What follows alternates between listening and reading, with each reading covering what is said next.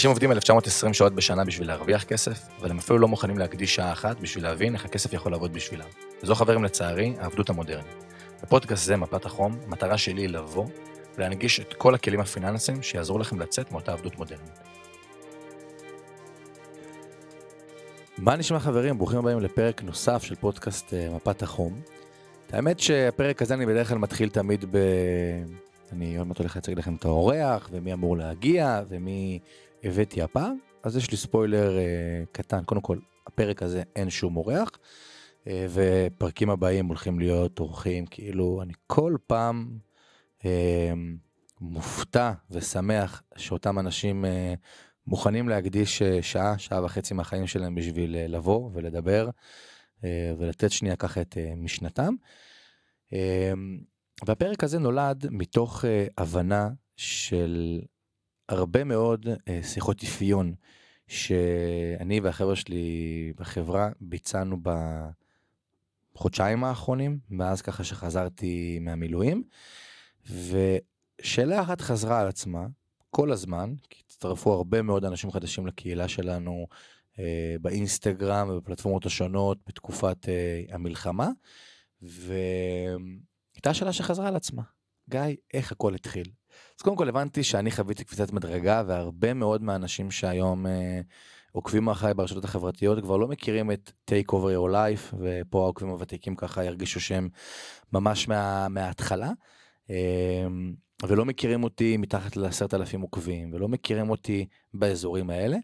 אז קודם כל זה היה לי ככה נעים, אה, אני יכול אפילו להגיד אה, לשמוע את זה ולהרגיש את זה, אבל גם הרגשתי שאני חובה, בחובה המוסרית שלי אני חייב להסביר שנייה איך הכל התחיל. אז הפרק הזה זה איך הכל התחיל. כשאני אומר איך הכל התחיל, זה, אני לא באתי עם איזשהו רעיון של להקים עסק, לא חשבתי על זה.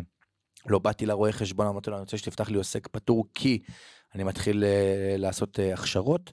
הכל התחיל בגיל 19. חוזר איתכם, היום אני בהקלטת פרק זה, יכול להיות שישמעו את זה גם בעוד שנתיים, אבל אני יליד 98, בן 25, uh, במאי אני אהיה בן 26, מזל לשור. אה, אז כל אחד ככה יכול לעשות את החושבים אה, שלו. וגיל 19, גיל 18, אה, אני בגיוס אוגוסט 2016, חיל התותחנים.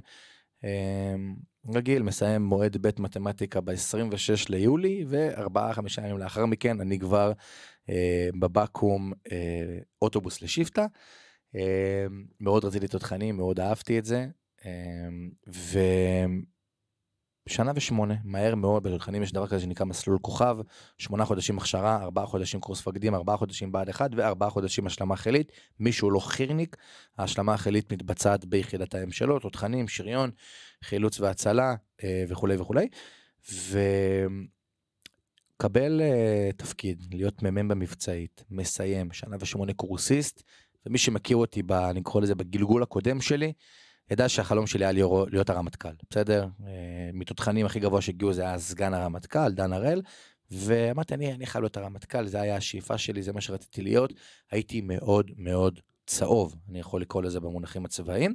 יום ראשון נכנס תפקיד מ"מ במבצעית, לתקופה הפלגה, המחלקה, הסוללה, אה, בשפת אה, תותחנית, תופסת באזור קרני שומרון, קלקיליה, קו חי"ר. אני נכנס אה, להיות מ"מ אה, יום ראשון, יום חמישי, אה, נכנסתי לפלוגה ותיקה, לראות איך אני תופס את המחלקה, יוצא למעצר. סיום המעצר, אני מסיים אותו עם שני שברים בקרסול, בעקבות איזושהי נפילה ככה לא טובה שהייתה לי, יושב בזאב, בוכה מכאבים, לא מצליח להבין מה קורה לי, לעולם לא שברתי את הרגל, לא קרה לי שום דבר, מרגיש כאילו מישהו עם פטיש חמש שובר לי את הרגל.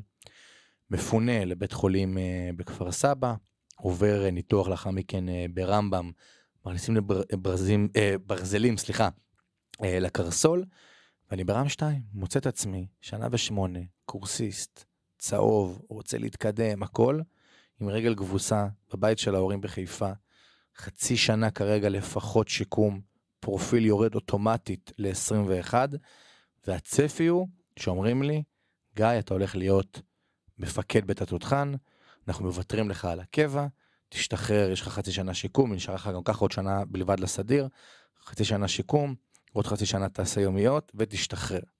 אני בראש, מזכיר לכם, רמטכ"ל, אני בפועל גיא נתן עם הפציעה, אמ, אין צפי חזרה. היה לי מפקד אה, מדהים שליווה אותי מתוך ארבע שנות אה, שירות, שנה וארבע קבע ועוד שנתיים שמונה סדיר. אה, ליווה אותי כמעט שנתיים, שנתיים וארבע.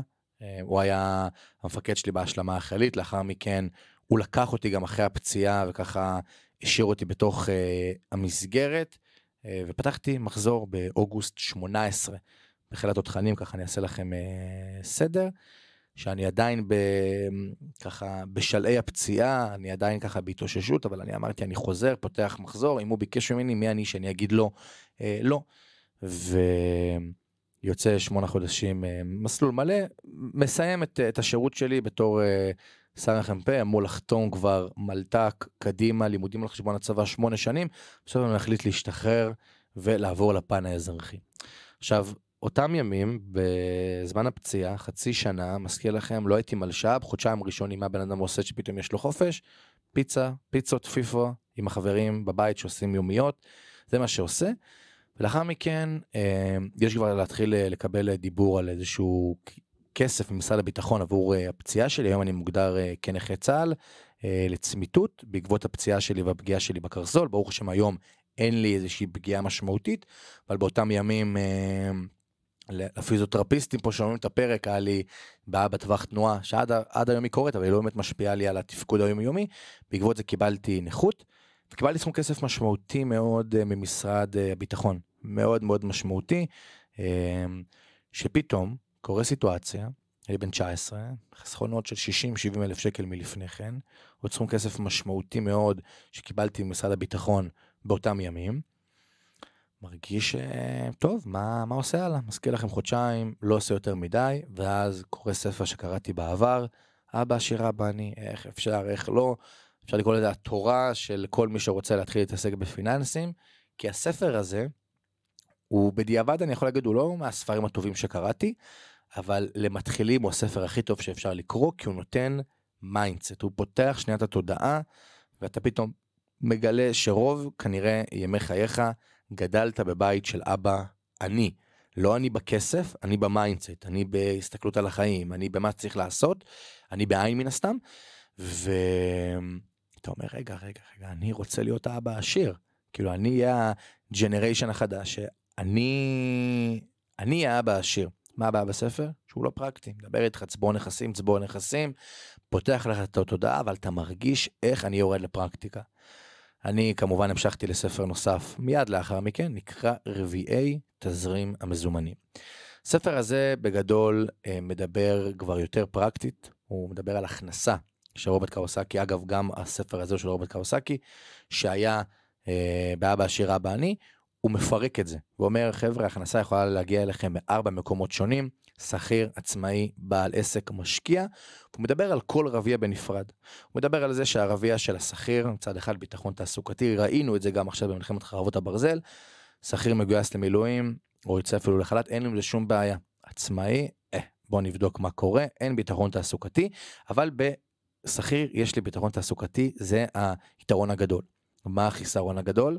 שיש לי מה שנקרא תקרת זכוכית, אני אעבוד יותר קשה, אני ארגיש יותר שעות, אני אולי אקבל בונוס, אבל יש לי, אני יודע כל חודש כמה אני אקבל. מצד אחד הרבה אנשים חושבים ואוהבים את זה, כי הם יודעים שאם ההוצאות שלהם זה 9-10 והם מקבלים 14, הם בפלוס והם לא רוצים להתעמת יותר מדי, אבל כל רביע אגב זה אופי מסוים, כן, אני כל המשפחה שלי זה משפחה של שכירים, רוב החברים שלי הם שכירים, אני כאילו, שכיר אולי נוצרה איזושהי מילת גנאי במדיה החברתית, ממש לא, ממש לא. אה, גם מנכ"ל של גוגל הוא שכיר, כן? אז בואו נקבל פרופורציה. אה, ואני חשבתי גם באותם ימים שאני אהפוך להיות עצמאי, כמו שהרבה חבר'ה צעירים חושבים היום, זהו, אני אהיה עשיר. מה הבעיה בעצמאי? שמצד אחד אין תקרת זכוכית, וזה הרעיון. אני אתמחר פגישה ב-2,000 שקל לשעה, אעשה חמש פגישות בחודש, קיבלתי 10,000 שקל. הם מוכרים חלומות בגדול.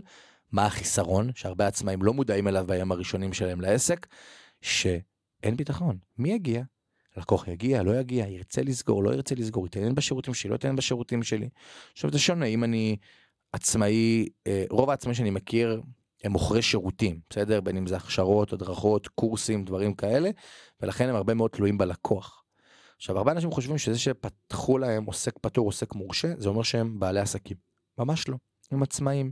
כי אם הם יפסיקו מחר לתת תוכן, אם הם יפסיקו מחר לקיים פגישות, אין להם עסק. זאת אומרת שהם לא בעלי עסקים, הם עצמאים. בעל עסק מוגדר בן אדם שיכול לצאת מהעסק שלו, והעסק ימשיך לתפקד. אולי העסק יתפקד פחות טוב, אולי המחזורים ירדו, כי מן הסתם הפאונדר, הבעלים, לא נמצא שם, אבל העסק ימשיך לתפקד. מה הבעיה בבעל עסק? שגם שם אני אולי גדל טיפה במחזורים שלי, טיפה ביכולת קיבולת שלי, אבל אני עדיין אצטרך לעבוד בשביל הכסף. ורוברט אומר בספר שלו, שאגב אני ממליץ, כמו שאתם שמים לב, לכולם לקרוא אותו, כל עוד לא העברתי את הכסף שלי לרביע של המשקיע, אני תמיד אצטרך לעבוד בשביל הכסף, רק הרביע של המשקיע, אני נהנה מהפלא השמיני בתבל, הלא הוא הריבית דריבית. פתאום הספר הזה פתח לי איזושהי תודעה מסוימת, ותיקחו ילד בן 19, מנטליות אה, של ילד בן 19, עם הרבה כסף בעובר ושב, אין לו יותר מדי למי לפנות ומה לעשות, פותח איזושהי קופת אה, גמל להשקעה שהמוצר הזה רק נולד אה, שנתיים שלוש קודם לכן, ומה הוא עושה? טוב, מתחיל לחקור את העולמות שדרכם אני יכול שהכסף יעבוד בשבילי, מבלי שאני אעבוד בשבילו. drop shipping היה נפוץ באותם ימים, חנויות באמזון, eBay, אפיליאציות, שזה כל מיני שיווק שותפים, אה, ושוק ההון, שוק ההון לא כל כך היה במיינסטרים. מתחיל לחקור את שלושת התחומים, וממש זוכר את עצמי יושב, בא ולומד, ולא מעניין אותי drop shipping, לא מעניין אותי אפיליאציות, לא מעניין אותי אף אחד מהתחומים האלה. אני מבין שיש שם פוטנציאל לעשות כסף, אבל אני אומר, אני לא באמת יוכל עכשיו מהתשוקה שלי לעשות את זה. בעולם שוק ההון, בהתחלה התשוקה שלי הייתה מה... הכסף המהיר שכל בן אדם בערך שנכנס לשוק ההון חושב שהנה מניה עלתה ב-40 אחוז הייתי שם 100 אלף שקל עשיתי 40 אלף שקל הכל טוב יפה. וכל מה שאני מלמד ומסביר היום חוויתי את זה על בשרי בא דרך בנק הפועלים מתחיל להשקיע. עכשיו לא אף אחד לא לימד אותי שדרך הבנק הנתונים זה בשהייה של 15 דקות מהרגע שזה מתעדכן כאילו כל 15 דקות זה מתעדכן לא ב live. אני מזכיר לכם מסחר יומי כי אף אחד לא רוצה בהתחלה ללמוד קשה ופונדומנטלי ודוחות ומה החברה עושה ואיך היא מתנהגת. גרף, בסדר, עולה יורד, ראיתי נר doji, marubozu, ראיתי איזשהו מטריה הפוכה, תבנית, יאללה, בוא ניכנס כמו רוב החבר'ה היום שלא באמת מבינים מה הם עושים בשוק ההון והם חושבים שהם יודעים מה הם עושים בשוק ההון. הפסדתי מהר מאוד 60 אלף שקל, אני חוסר לכם ככה את כל ההפסידים הראשונים שלי, אבל 60 אלף שקל אני מפסיד, 30 ואז עוד 30, תופס לעצמי את הראש ואני אומר רגע, רגע, רגע, 60 אלף שקל זו משכורת לפעמים חצי שנתית של בן אדם, אם לא שנתית של בן אדם שמתפרנס בשכר המינימום, שרפת את זה בחודשיים. אתה צריך שנייה להתאפס על עצמך, ואני במנטליות, אני מזכיר לכם, לא מפריע לי ה-60 אלף שקלים האלה, כי אני לא, כי את הכסף הזה אני קיבלתי בעקבות פציעה. זה לא עבדתי בשבילו קשה, זה לא שעכשיו התאמצתי בשבילו, ולכן אני חושב שאז לא היה לי את המחסום המנטלי הזה של לבוא ולהשקיע ולהפסיד ולקחת סיכונים, שלימים זה בא בטובתי, אבל בימים הראשונים זה בא בעוכריי.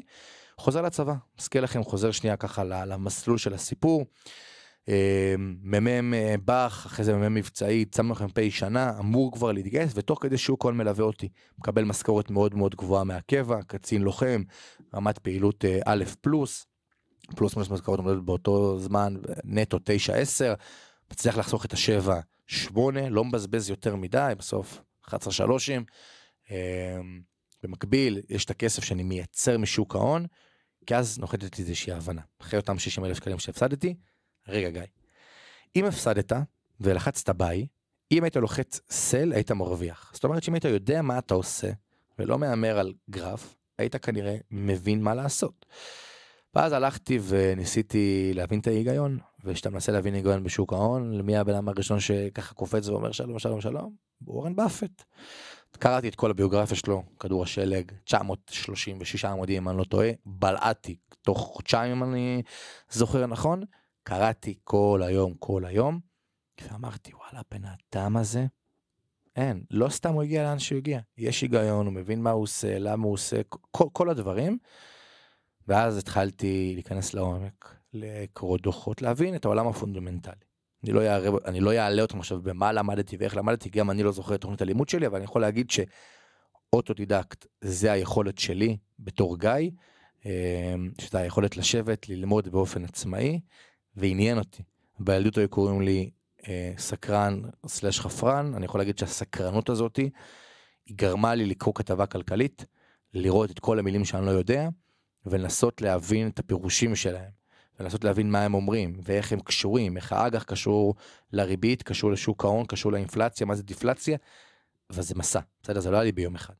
תוך כל זה אני בצבא, קצין, שוק ההון נמצא שם, פחות אקטיבי לרמה היומיומית, אבל כן, מזכיר לכם, 2018, העלאת ריבית ראשונה אחרי עשור, חווה את זה בעולמות uh, שוק ההון. יש את כל הנושא הזה של פתאום 2020 הגעתי מאוד מוכן, ו-2020. מרץ 2020 פורץ את הקורונה, יולי 2020 גיא נתן משתחרר מצבא ההגנה לישראל, אחרי שירות קבע מלא, ארבע שנים סך הכל. הוא מרגיש שהוא מוצף, כי במקביל לשחרור שלו מהצבא, אז יש לו איזה שלושה חודשים שהוא לא עושה באמת יותר מדי, לא רק הוא כל הצבא, כי יש קורונה, אין אימונים, אין שום דבר, והוא פשוט יושב במשרד שלו, וכל היום רואה את התוכנית של הכרישים, וקורא ספרים, ופודקאסטים, והרצאות, ו- ומה לא, אבל יותר בתחום ההתפתחות האישית, בסדר? כי תמיד הייתה לי את השאלה של מה אני עושה ביום של אחרי, עד אז זה לא עניין אותי, כי אני רוצה להיות רמטכ"ל, פתאום אני משתחרר, יוצא מהמסגרות שעד עכשיו הכתיבו לי החיים, שזה לימודים, צבא, אין לי, אני בחרתי במודע לעזוב את המסגרות של החיים ולעבור להיות עצמאי. ואני חושב שאגב זה גם טיפ לכל uh, חייל ששומע את זה או חייל משוחרר, זה החיפוש העצמי. זה לא להשתחרר ולנסות עכשיו להגיד טוב אני חצי שנה זרוק, אלא מה מעניין אותי. זהו נגמרו המסגרות ואני הבנתי עם עצמי תוך כדי הספרים שאני קורא, שאם אני לא אדאג לעצמי אף אחד לא ידאג לי. אין מישהו שמחכה לי, אין מישהו שמעני, שאני מעניין אותו, כאילו מחשבה מאוד שאולי נשמעת רע, אבל זה באמת ככה, כל אחד חווה את החיים שלו, ואף אחד לא נותן לי זמן. זה שהסביבה שלי נותנת לי, אתה, אתה חייל, אתה, אתה השתחררת רק, קח את הזמן, צא לאיזה חופשה, החיים ממשיכים. כאילו, ואני יכול לקחת את הפאוזה של חצי שנה, אם אני רוצה את זה, במודע? לא. יולי 2020 משתחרר, שוכר דירה אה, בחיפה, עם חבר אה, מאוד מאוד אה, טוב מהבית, שגם משתחרר באותם אה, ימים. רציתי ככה להיות עצמאי, קונה רכב, במקביל מתפרנס אה, משוק ההון, מתיק ההשקעות שהיה לי, ומזכיר לכם גם ימי קורונה, תקופת קורונה, שוק ההון טס למעלה, מספיק זרקת, סתם סימבול, הוא מן כנראה עלה לך בחודש שהשקעת בו, ואני מגיע עם מוכנות ועם ידע ועם הבנה של מה לעשות, מתחיל טיפה יותר להיכנס לעניינים, וה... סכומי כסף עולים, עולים, עולים, עולים, עולים, לרמה שאני מתפרנס משוק ההון. במקביל, אני מרגיש שאני מוצף בידע פיננסי ובידע של התפתחות אישית. מתחיל לעלות סטורי לאינסטגרם הפרטי שלי, שגם פעם קראו לו גיא נתן תשע, אה, והחבר'ה שלי אומרים לי, תשמע אחי, אתה חופר. כאילו אתה, די, אנחנו עוקבים אחריך שתעלה סטורי איפה אתה יוצא בערב, ולאיזה חופשה היית, אבל די, שחרר כאילו בלדבר על אה, טסלה וריביאן וניקולה שעושה הונאה למשקיעים שלה. ואני באותה תקופה, מזכיר לכם, קורונה, בית, במקביל ללימודים, שאני לומד באופן עצמי והפרנסה שלי משוק ההון, לא עושה יותר מדי, ומי שאוהב לשחק 2K, שזה המשחק של הכדורסל בפלייסטיישן, אז ברגע שהוא עושה קריירה, שוב בקריירה take over ככה למעלה ליד השחקן, שזה בעברית פשוטה להשתלט על, בסדר? ואני את התקופה פותח עמוד אינסטגרם, שום ידע באלגוריתם, עיצוב, מה אני עושה, איך אני עושה, מחליט שיקראו לעמוד take over your life. מה שנקרא להשתלט על החיים שלך עם האימוג'י של כזה כמו איזשהו אצבע שבאה ללחוץ. אני מעצב ב Canva חינמית ואין לי מושג איך לעצב, כן? כאילו אני רחוק מהעולם הזה, אבל לומד. תוך כדי רוכש כישורים בכל המקומות האלה, לומד על אלגוריתם של אינסטגרם לעומק, לומד מה לעשות ולהבין. מזכיר לכם תקופת קורונה, יש המון זמן, ותיק ההשקעות שלי נותן לי את האפשרות לעסוק רק בזה, במקביל לכל הדברים האחרים שעסקתי באותם ימים, התפתחות אישית, כושר ותזונה, משפחה, חברים, ביום של אחרי, ופותח את העמוד. מעלה תוכן על הכל. אם אתם, אגב העמוד ספוילר קצר, לימים הוא הפך להיות העמוד שאתם היום עוקבים אחריו, אבל תרדו ממש למטה, תוך כדי שאתם שומעים את הפודקאסט, עד סוף העמוד אתם תראו בכלל פוסטים שאתם כאילו לא מאמינים שזה העמוד שאתם עוקבים אחריו. מדבר איתכם על קשר מוח, מוח שריר בכלל באימונים, מדבר איתכם על התפתחות אישית, על שיווק, על דני אבדיה מצטט משפטים שהוא אמר, כל מיני דברים כאלה, נטו כי אני מרגיש שאני מוצף בכל תחום. לאט לאט התוכן שלי הולך ונהיה ממוקד יותר בתחום ההשקעות, כי מן הסתם התחום שהתעסקתי בו. ועדיין, עמוד תחת השם שלי, תחת uh, השם take over your life, לא בכלל חושב על לקיים איזשהו עסק, שום דבר. ובמקביל נרשם, אה, מחפש כאילו מה, מה לעשות, ונרשם למחנות קיץ של הקהילה היהודית באמריקה. טס אחרי שנה, אפשר להגיד בערך מהשחרור, יוני, אני כבר הולך איתכם בזה, יוני 2021, טס, חודשיים במחנות קיץ ועוד חצי שנה של טיול, חוזר אחרי איזה שישה, שבעה חודשים לארץ, ובמקביל שם אני מתחיל טיפה יותר לשתף ברמה האישית. אם תרדו לעמוד, זה באזור הפוסטים שנקרא יומן מסע. על החוויה שלי, על מה אני חווה פה, טיפה בשאלות תשובות, אנשים שואלים מי אתה, אני עונה בין כמה אני, מאיפה אני, איך קוראים לי, כאלה. מחליט שאני חוזר לארץ ואני עושה מה שנקרא פוסט יציאה מהארון. אה, כוונה יציאה מהארון זה השם שלי, פתאום אני מעלה פוסט, נובמבר 2021, שאני מפרסם מי אני, מה, מה אני עושה, מה ה vision שלי, מה החלום שלי. ובאותם ימים, עוד ב, בתקופה שהייתי ב, ב, בניו יורק, אנשים שואלים אותי, תגיד, אתה, אתה מלמד, אתה, אתה מעלה תוכן, אתה, כאילו, אתה, אתה טוב במה שאתה עושה, אתה, אתה יכול גם ללמד? ואני כזה עוזר לאנשים, עולה כזה לזומים חינמיים, מנסה טיפה, כי יש הבדל עצום בין לדעת לעשות כסף, לבין לדעת ללמד לעשות כסף, ובכלל לא היה לי בראש. חוזר לארץ, אותם אנשים רוצים להיפגש. עכשיו, אני בא מבית של מורות, בסדר? אמא שלי סגנית מנהלת בית ספר, שתי אחיות שלי מורות, כמה לוקחים לשיעור פרטי? 100, 150 שקל, חנוק. זה מה שאני עושה עכשיו, אני מזכיר לכם, אני בחיפה באותם ימים, מבחינתי להגיע לתל אביב זה יציאה. כאילו, רק כשאני יוצא עם החבר'ה שלי, שאני רוצה לעשות איזשהו בילוי, אני נוסע לתל אביב, אני לא נוסע לתל אביב בשביל לעבוד. למה אני מספר לכם את זה? כי הלקוחה הראשונה שאי פעם הייתה לי, שנקרא לזה גביתי כסף, זה הייתה לקוחה שגרה בגבעתיים, ואנחנו קרובים, ואז היא אומרת לי איפה אנחנו נפגשים, והכל כזה מאוד חובבני, אבל בדיעבד זה גם עלה 100 שקל, אז כאילו, הכל טוב. אה, אני אומר לה, חדרה? כי מבחינתי לנסוע לחדרה זה איזשהו, היא אומרת לי, מה חדרה? אני מגבעתיים. נוסע ללנדוור בשרונה מרקט בתל אביב, עושה שם uh, את הפגישות uh, הראשונות, והיא מגיעה. ופתאום אני אומר לסטורי שאני עושה פגישות, ועוד כמה אנשים מגיעים, ואני מזכיר לכם שבאותם ימים, רוב המדיה מוצפת בקורסים דיגיטליים, אין פרונטלי, אין אחד על אחד, אין גם פונדומנטלי, אין כלום. האנשים נטו מוכרים קורסים דיגיטליים, ויש להם שאלות. הם לא מבינים מה לעשות, והם בסדר, לקחו קורס דיגיטלי, אבל הם לא, יש להם המון המון שאלות, ואין להם באמת מענה ממי שהם רכשו ממנו את הקורס.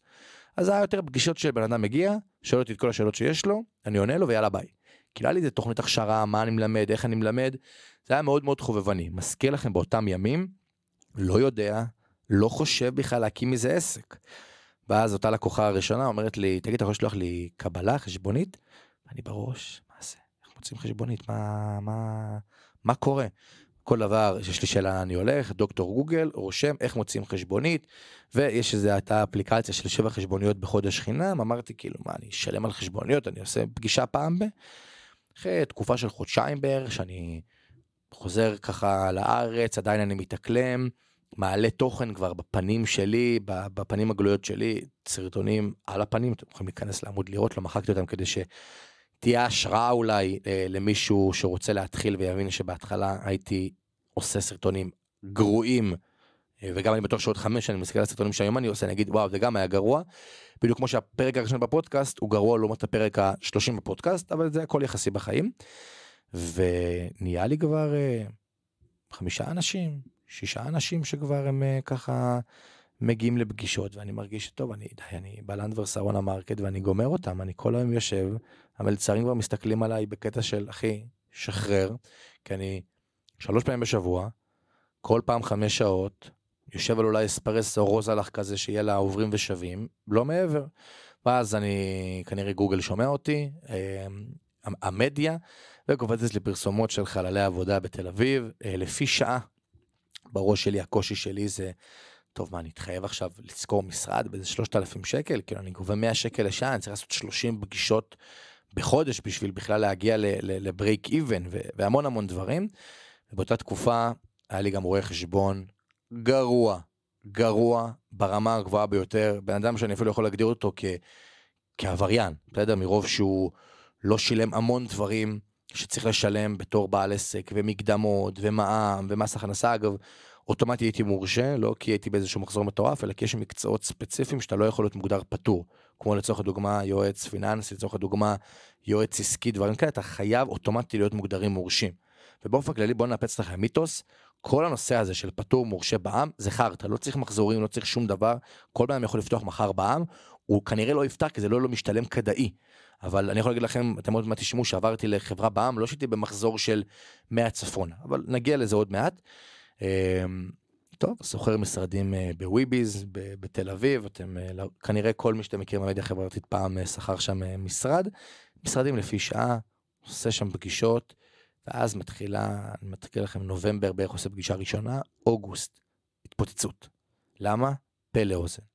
כל האנשים שהיו איתי בנובמבר, דצמבר, ינואר, פברואר, כבר חווים תוצאות, ומביאים את כל היקירים שלהם, את כל האנשים שהם מכירים, ולאט לאט אני מעלה את המחיר. מ-100, 200, 300, 450, לאט לאט זה עלה, זה עלה, זה עלה כלפי מעלה, פתאום אני גם מאמץ לעצמי איזושהי תוכנית הכשרה, אני מזה תחת הלקוחות, באמת מה הם יותר שואלים, מה הם יותר צריכים, מה צריך יותר ללמד. הכל הוא, הוא, זה תוך כדי, ובמקביל, אני תוך כדי לומד מה זה לנהל עסק.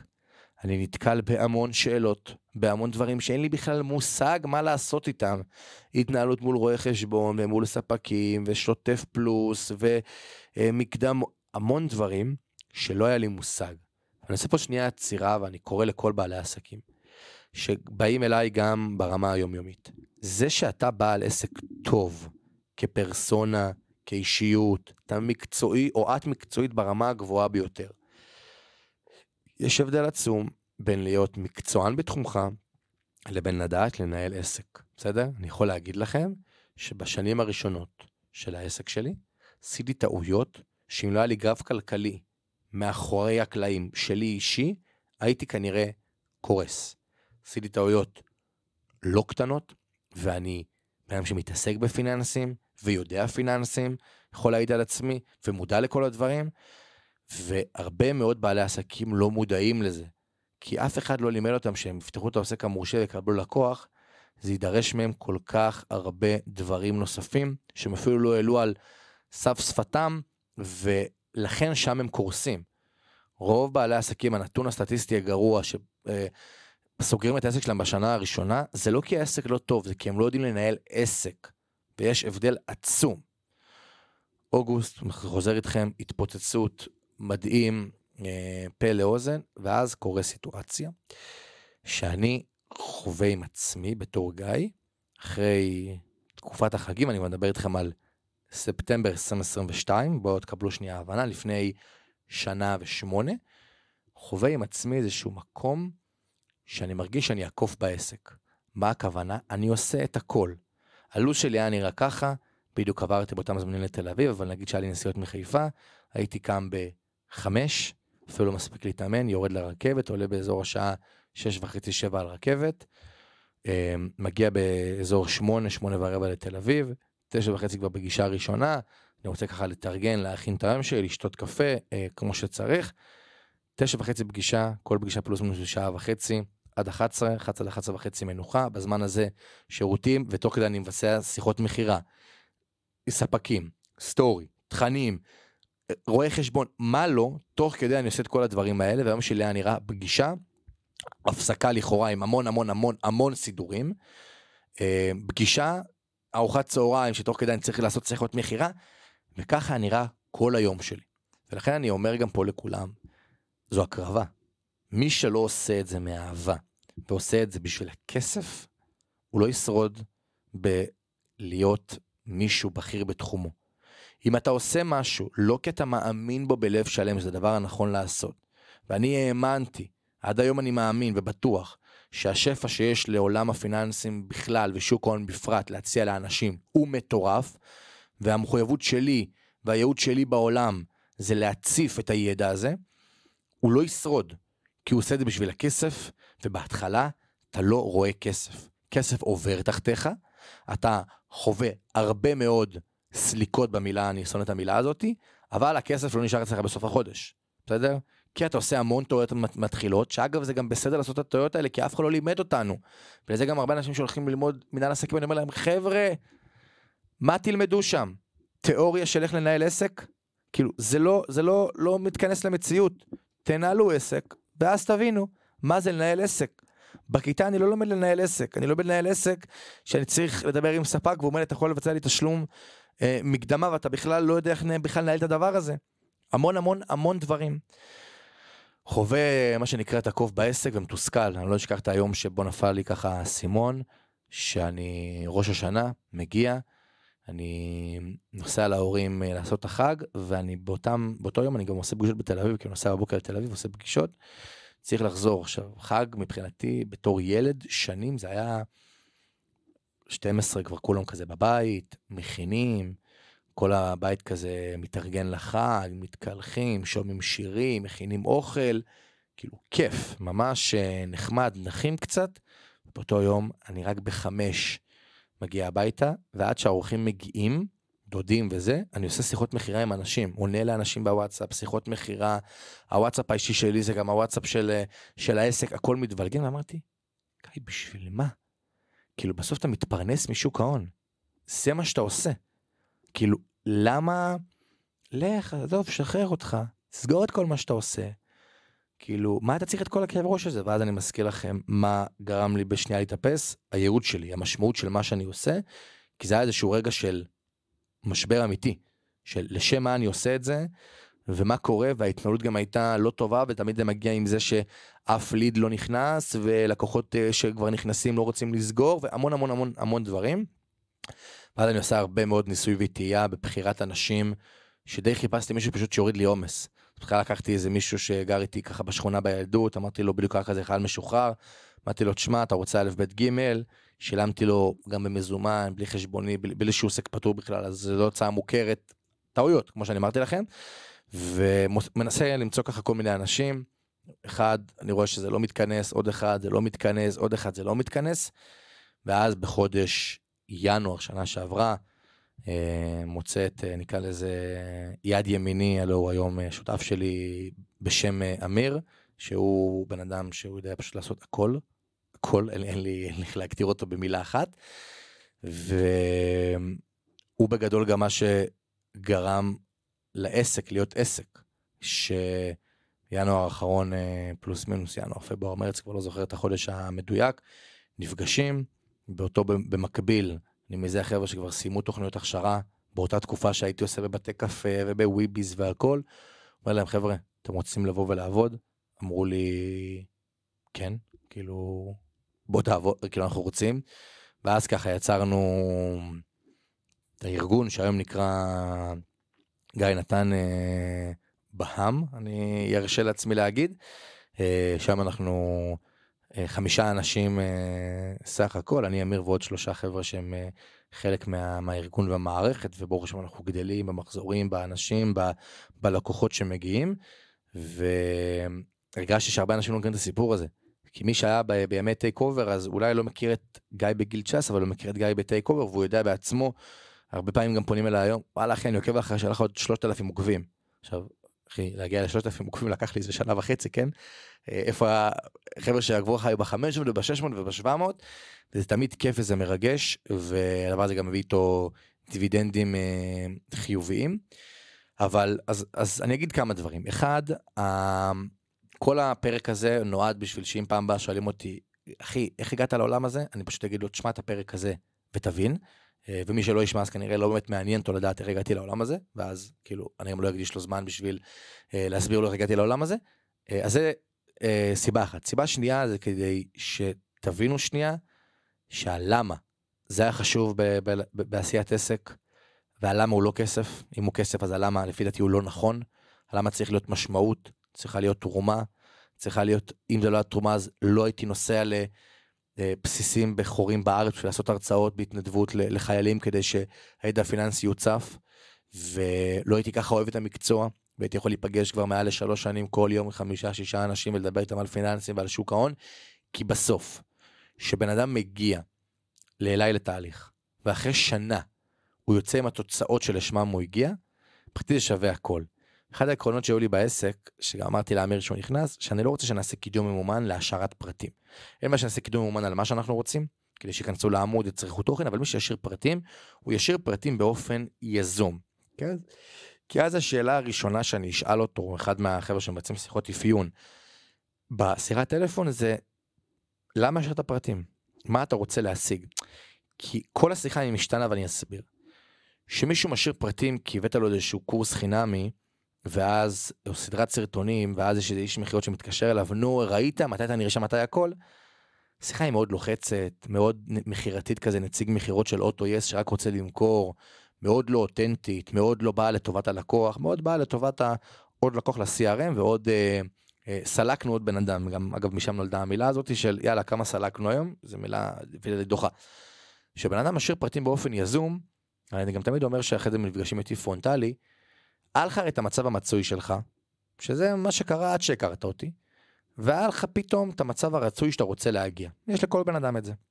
בין המצוי לבין הרצוי, היה איזשהו פער שלא הצלחת לפתור אותו בעצמך, או בעצמך. וראיתם משהו בי, בתכנים שלי, במסרים שאני מעביר, כמהווה את הגשר לגאפ שנוצר בין המצוי לבין הרצוי. מה הגאפ הזה? איך אני יכול לעזור, ולאן אתם רוצים להגיע. ולמה דווקא עכשיו. שבן אדם, אגב אתם מוזמנים לשאול את עצמכם את השאלות ששאלתי עכשיו, שואל את עצמו למה את זה, הוא מבין האם זה נכון לו להגיע, לא נכון לו להגיע. הוא בעצמו שם את הפנייה, אז כנראה הוא ראה בזה איזשהו משהו, ומה שנקרא, זה עושה לי הרבה יותר כיף, גם אנשים שמגיעים הרבה יותר איכותיים ובשלים גם מנטלית. אז עוד פעם אני חוזר לסיבות, סיבה אחת להקלטת הפרק הזה כדי שתשמעו זה, איך הכל התחיל, כאילו ליטרלי איך איך הכל התחיל ואיך הגעתי למה שאני עושה היום לא חשבתי על זה בכלל. אמא שלי עד היום חשבה שאני אהיה מאמן כושר היא, היא לא מבינה שאני אוהב uh, בצקים אבל uh, הדבר השני זה לה, להסביר ולהראות שלהקים עסק זה לא קל ובשנה הראשונה אתה צריך להיות מודע או את צריכה להיות מודעת שיהיו הרבה מאוד קשיים הרבה מאוד רגעי תסכול הרבה מאוד דברים שלא נבין. וכמה שידברו איתי על זה בהרצאות, סדנאות, ויסבירו לי על איך זה לנהל עסק, כל עוד אני לא אחווה אותו. את המכתב מביטוח לאומי, שאין לי מושג מה הוא אומר, ואני אשלח לרואה חשבון שלי. ואז פתאום יגיד לי, אה כן, צריך לשלם עוד 3,000 שקל. ואין לי 3,000 שקל, כי אני לא יודע להתנהל עם כסף כמו שצריך בתור בעל עסק, אני לא אדע, ולא משנה כמה יסבירו לי את זה. אז זה לגיטימי שבשנה הראשונה יהיו הרבה מאוד קשיים, אפשר לקרוא לזה, אבל צריך לעבור את זה, וצריך גם אה, לה, להוקיר את זה ו, ו, ולדעת שזה קיים, בסדר? לא, לא להכחיש את זה, אבל גם לרכוש כלים מקצועיים, יכול להיות באיזושהי אה, משהו הכשרתי, יכול להיות גם באופן עצמאי לבד, עם הזמן, את הכלים של זה, להבין גם שאני יכול להיות בעל עסק מצוין ומקצועי, אבל אני לא יודע לנהל עסק, ואני לא יודע לעשות שיווק כמו שצריך, ואני לא אותנטי, ולא מתחברים אליי בתור הבן אדם שאני מייצג, ואז אני מקצועי. אבל חבר'ה, את האנשים הם לא מעניין מקצוע. מקצוע זה טוב. אנשים מעניין אותם היום שני דברים, פרקטיקה והבן אדם שאתה. שהם קונים ממישהו, הם קונים מהבן אדם, הם לא קונים, הם, הם לא קונים מוצר פיזי, הם לא קונים את, ה, את הסטנד הזה לטלפון ולא אכפת להם ממי הם קונים. כשאדם קונה שירות, הוא קונה מבן אדם. אז אם אתה גם בן אדם חרא, סליחה על הביטוי, לא יקנו ממך. וברגע שיש לך גם כסף, אז הכסף הוא מגבר על התכונות שלך, אם אתה בן אדם טוב או חרא. ודבר שלישי, כדי שבאמת תבינו את הלמה. ו... כי, כי זה חשוב. אני בטוח שמרגישים את זה, ו... אבל זה חשוב להרגיש את הלמה ו... ולהבין ש... יש לי גם משפט כזה שאתה לא, אל תזכור בן אדם שעושה את העבודה שלו בשביל כסף, אלא בן אדם שעושה את זה מאהבה. זה לקוחה פעם שלחה לי את זה, שהיא קראה באיזשהו ספר ואימצתי את זה, כי אמרתי, אם לקוחה שלחה לי את זה אז כנראה מרגישים את זה עליי. וחשוב לי להגיד גם חבר'ה, זה לא פודקאסט סיכום, זה אפילו לא פודקאסט של עד כאן, כי אנחנו אפילו לא הגעתי לשני האחוזים מהמקסום פוטנציאל שלי ולאן שאני רוצה להגיע. דרך עוד ארוכה, 2024 צפויה בהמון הפתעות חיוביות להתקדמות העסק בעקבות תובנות שהגיעו ממלחמת חרבות הברזל, אבל זה לא פודקאסט סיכום, וגם אמיר אמר לי לפני שאני מקליט את הפרק, הוא אומר לי, תשמע, מה אתה מקליט אותו עכשיו, אנשים יגידו מסכם, חבר'ה, לא מסכם. עוד לא התחלתי אפילו נראה לי, אני כאילו רק בפרי גיים שלי, סתם, אני לא באמת בפרי גיים שלי, אבל עדיין לא באמת, אה, אני יכול להגיד, אה, מה שנקרא פתחתי מבערים, אה, וזהו, ובא לי גם שתכירו טיפה אותי יותר אה, בפנים, אה, אתן ספוילר פה למי שכבר האזין עד הדקה הזאתי, ש-2024 הולכת להיות גם שנה שבה הולך לחשוף הרבה יותר את הבפנים. לא את גיא נתן שאתם מכירים, אלא גם את גיא. של הבית, של החברים, של המשפחה, כדי שתכירו ותלמדו ותבינו, כי לי זה חשוב, אני מרגיש גם שבחיבור בינינו אנחנו יכולים לבצע את הקפיצת מדרגה הזאתי. אה, וזהו. אז תודה רבה לכם שהאזנתם לעוד פרק של אה, מפת החום.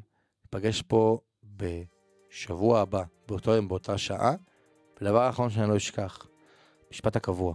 תזכרו תמיד שאנשים עובדים 1920 שעות בשנה כדי להרוויח כסף, הם אפילו לא מקדישים שעה אחת כדי להבין איך הכסף יכול לעבוד בשבילם. ואם הם יבינו איך הכסף יכול לעבוד בשבילם, החיים שלהם ישתנו מקצה לקצה. הידע נגיש, אבל הרוב לא רוצה להתאמץ. תודה רבה.